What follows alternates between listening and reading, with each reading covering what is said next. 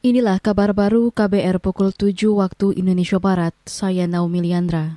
Saudara, kasus kematian akibat COVID-19 dalam sepekan terakhir melonjak hingga tiga kali lipat, yakni dari 18 kasus di akhir Januari menjadi 57 kasus per kemarin.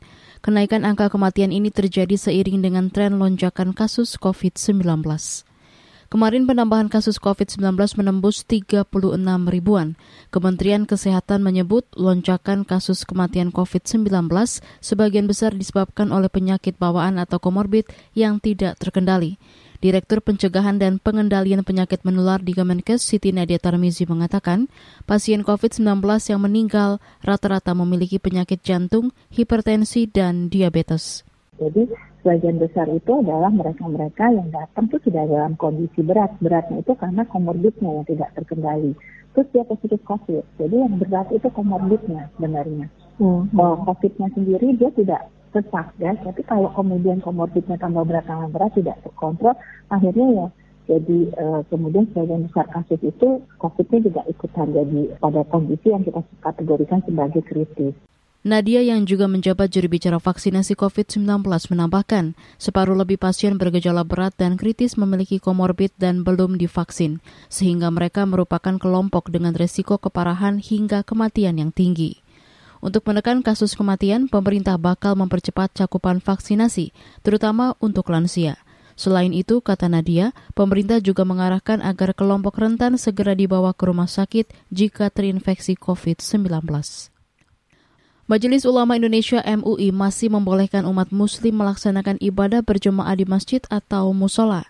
Ketua MUI bidang fatwa Asrorun Niam Soleh mengatakan ibadah sholat Jumat tetap dilaksanakan seperti biasa dengan protokol kesehatan.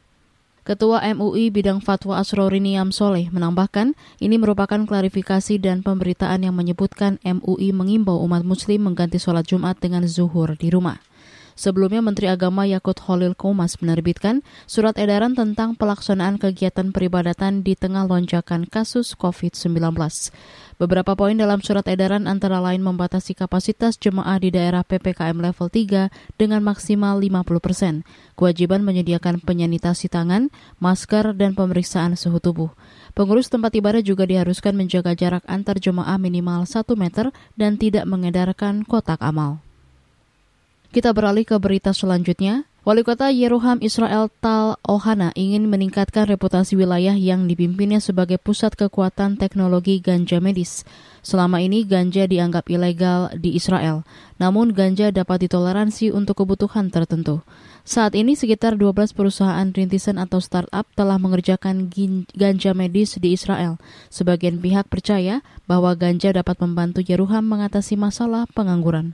Ohana dikutip dari AFP mengungkapkan ambisinya untuk menjadikan yang terdepan dalam sains dan teknologi di bidang tersebut. Sejauh ini pihak berwenang telah mendorong penggunaan terapeutik selama dekade terakhir untuk mengobati kondisi medis yang parah dan stres pasca trauma pada mantan tentara. Di Israel Selatan, dekat kota Asdod, Bol Parma telah menanam 400 ribu tanaman ganja setiap tahun di 3,5 hektar khusus untuk penggunaan terapeutik. Demikian kabar baru KBR. Saya Naomi Liandra.